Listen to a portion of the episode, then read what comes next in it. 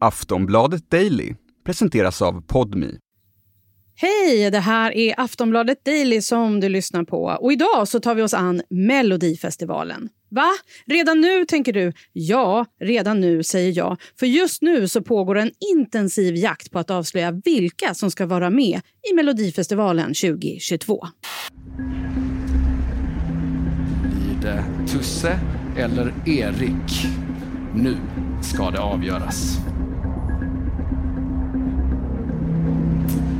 Tusse får.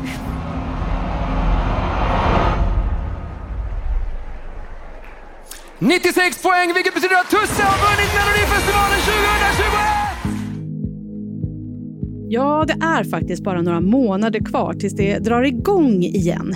Tävlingen om vem som ska representera Sverige i Italien i Eurovision Song Contest i maj nästa år. Redan nu så har Aftonbladet kunnat avslöja flera artister som ska delta. Namn som veteranen Linda Bengtzing, de tidigare vinnarna John Lundvik och Anna Bergendahl, men också den nya duon Tenori som ska sjunga modern operapop. Melodifestivalen 2021 fick anpassa sig efter den pågående pandemin och alla tävlingar sändes från Stockholm utan publik. Nästa års festival ska återigen ut på turné och spela inför tusentals på stora arenor runt om i landet. Men vad händer om Sverige inför restriktioner igen om pandemin går åt fel håll? Har Sveriges Television en backup-plan? Aftonbladet har under många år varit först i jakten på att avslöja vilka artister som deltar i tävlingen. Varför är den jakten så viktig? Och nu så har också schlagergeneralen Christer Björkman lämnat produktionen. Hur ska man klara sig utan honom? Vi tar och reder ut det här i det här avsnittet av Aftonbladet Daily. Jag heter Jenny Ågren. Hej och välkommen Tobbe Ek, reporter på Nöjet som ju är expert på det här ämnet. Tack så mycket. Tobbe, berätta nu. Hur går jakten på artisterna till Melodifestivalen? Jag skulle säga att det går ganska trögt just nu. Det här är ett år som, eh, jag, jag vet inte om det kanske är pandemin som ligger kvar. Eh, för att en sak som jag är beroende av är ju att folk pratar med varandra så att det uppstår snack i branschen. I tv-branschen, i musikbranschen, i låtskrivarbranschen, i artistbranschen, i förlagsbranschen. Så att eh, eh de jag snackar runt med faktiskt eh, får nys om saker. Eh, varför är det så viktigt då att avslöja vilka som ska vara med innan SVT går ut och presenterar dem? Ja, alltså egentligen är det ju inte viktigt. För att det här är Melodifestivalen, ett tv-program, säger många. Men samtidigt så är det en enorm makthavare i svenskt musikliv. Eh, och eh, vi vet att våra läsare älskar att läsa om Melodifestivalen. Eh, så i det så är det också eh, roligt, intressant att eh, ta reda på vilka artister som ska vara med. För att när SVT då går ut, i år kommer de nog bara gå ut med pressmeddelanden, två stycken. 14 stycken artister kommer att presenteras nu på fredag och så 14 stycken nästa vecka då då presenteras ju alla namn i klump medan eh, jag kan skriva en artikel om en eller två eller tre artister som ska vara med och, och skriva mycket mera. Eh, och det vet jag att våra läsare tycker är kul. Och så gillar folk att spekulera, jaha, ska hon vara med eller han? Eller varför ska inte den vara med och sådär. Eh, så i det finns det, eh, det, det, det, finns ett intresse i Sverige eh, och bland våra läsare att, att få veta vilka är det som är med och tävlar. Och sen är det ju lite en intern tävling. Alltså jag gillar ju att, att tävla mot mig själv och se hur många lyckas vi avslöja. Och i år eh, lutar det åt att det kanske blir ett rekorddåligt resultat. Eh, för dig alltså? Ja, för mig. Eh, 28 akter. Förra året hade vi 27 av 28. Den enda vi inte hade var mustasch och namnet på Klara Klingenström.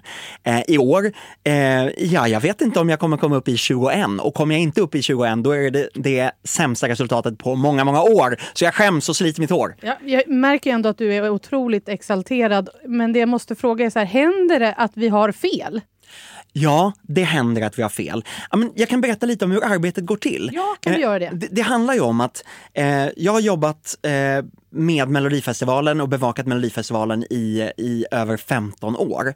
Och med det så har jag ju byggt upp ett kontaktnät av personer som jobbar i tv-produktion, i, i musikvärlden, bland artister, eh, artisters vänner, i låtskrivare och så vidare och så vidare och så vidare. Det är en ganska stor sfär. Eh, och det jag gör, det är ju att jag ringer runt och får ibland eh, ett så här, jag vill inte prata med dig, klick. Andra gånger får jag, aha, det är den gången, det är den tiden på året du ringer nu igen.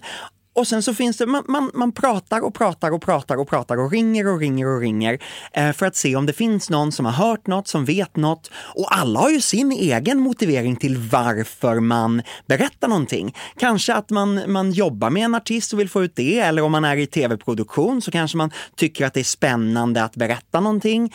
Eh, eller eh, så finns det en besvikelse över att man inte har fått med en låt för att någon annan har kommit med. Eh, så, så det, det, finns väldigt många olika perspektiv. Och ja, det händer att vi skriver fel.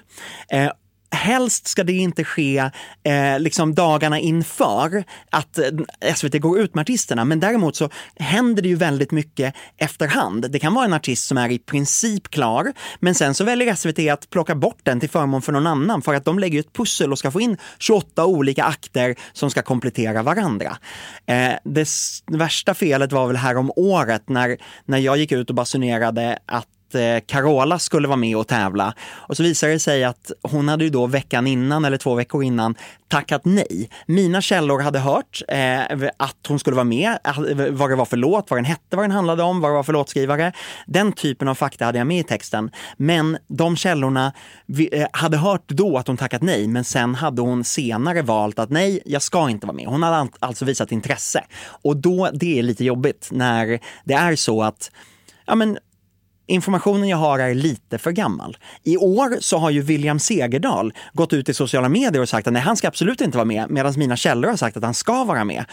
Eh, antingen har mina källor fel, eller så hade han själv inte fått definitivt besked ändå. Det får vi se när SVT går ut med sina presentationer. Det är spännande att se.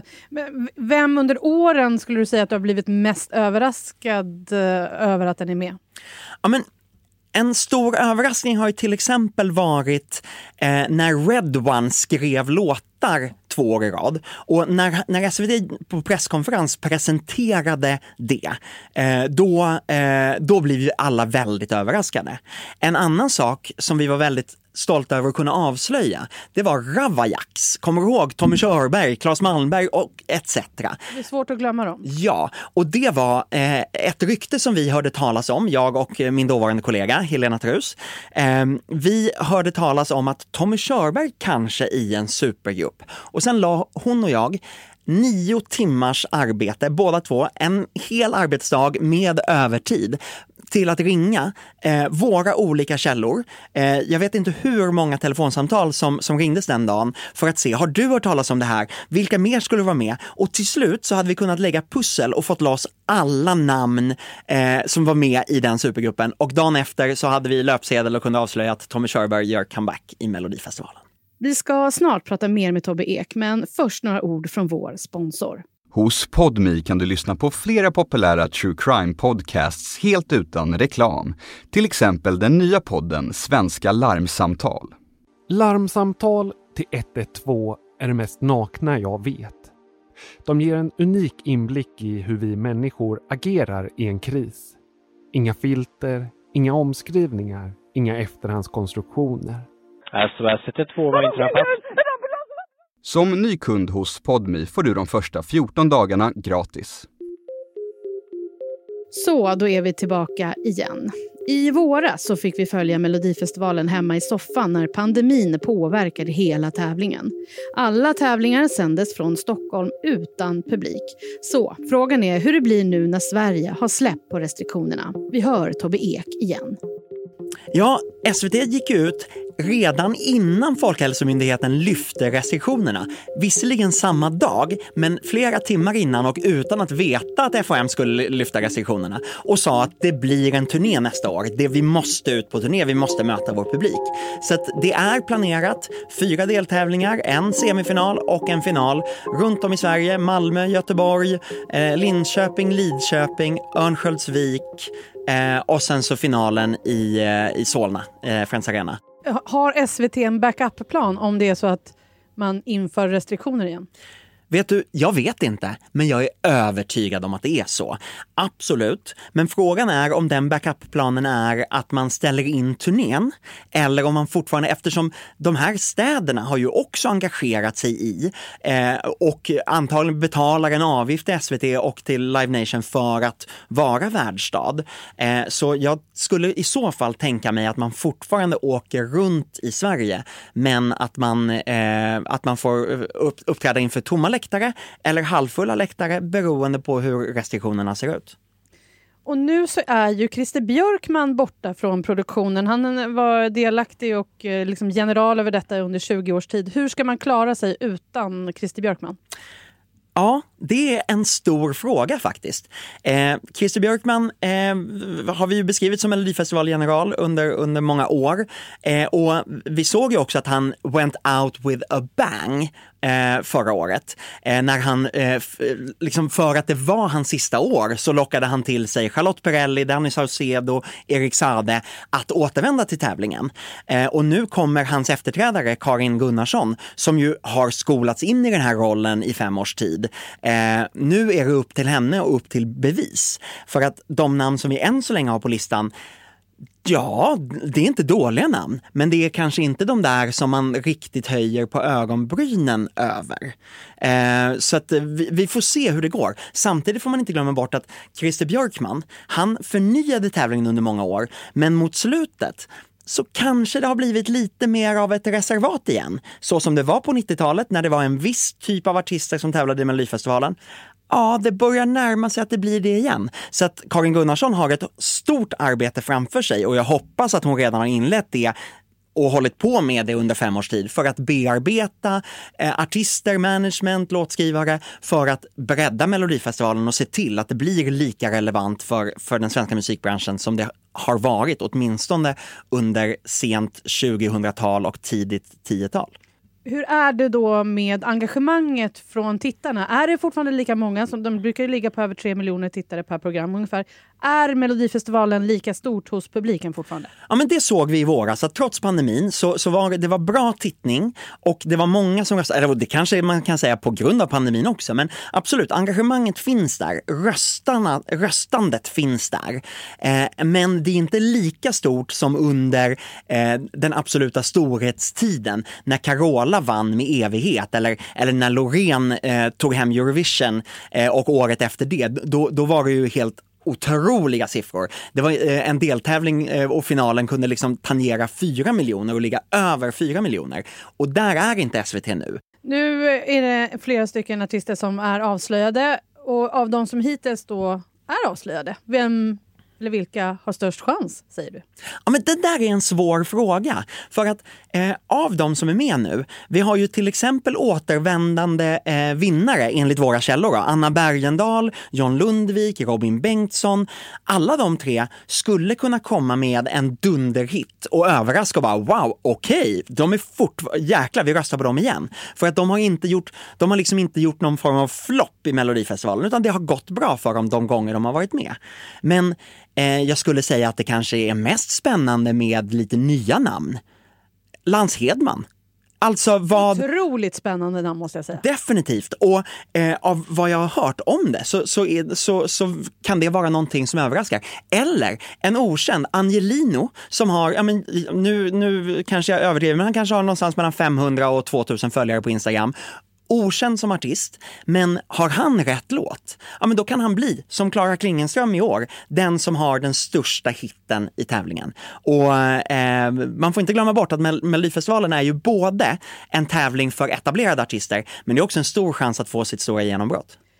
Vad har du för förhoppningar om nya namn som ska avslöjas? Ja, men, Vem vill du ska vara med? Det finns ju drömnamn såklart. Jag skulle vilja se eh, Darin, jag skulle vilja se Agnes, jag skulle vilja se, eh, och, och det här är ändå så här, inte helt orealistiskt, Helene Sjöholm. Eh, tre namn som, som jag tror skulle dra, locka tittarna till sig, eh, som inte skulle göra bort sig i tävlingen, men som heller inte är helt orimligt. För annars skulle jag kunna dra till med Gyllene Tider och Robin och Sara Larsson. Men, men vi måste också vara realistiska.